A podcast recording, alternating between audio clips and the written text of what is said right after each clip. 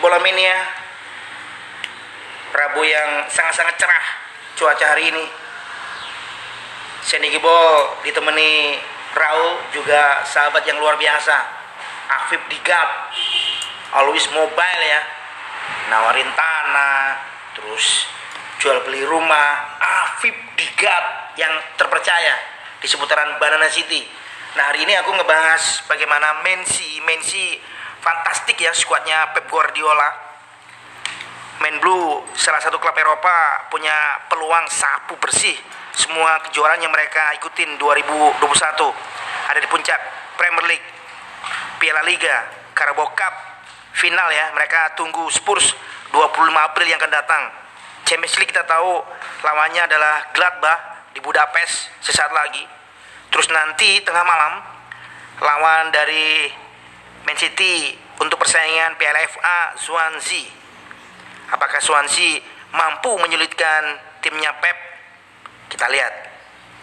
Terus ada data bagaimana jelang FA Cup Swansea bertemu dengan Man Blue. Tim tamu sangat-sangat horor ya. Serangannya menakutkan. 5 game terakhir tim dengan dana luar biasa punya Seymansur mengkoleksi 15 gol 5 game terakhir Mensi 15 gol. Apakah keringat dingin ini ya? Goalkeeper Swansea mengetahui sangat-sangat agresif lawannya mereka hadapi nanti dini hari. 15 gol, 5 game terakhir. Salah satu yang sangat-sangat kita ingat bagaimana juara bertahan ya. Liverpool di Libas main blue 1-4. Ini yang bisa aku berikan catatannya melalui podcast Seni Soccer Mensi berpeluang mendapatkan empat trofi. Wow. Ada juga info bagaimana melapis Kun Aguero yang makin tua ya. Infonya dari bursa transfer Lukaku dibeli dengan angka 200 jutaan. Gila Man City.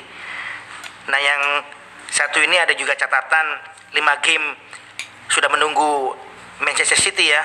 Boleh ini ya. Nanti lawan Swansea FA Cup Habis itu Premier League mereka bertemu dengan Spurs. Ini bisa dianggap sebagai pemanasan final Piala Liga.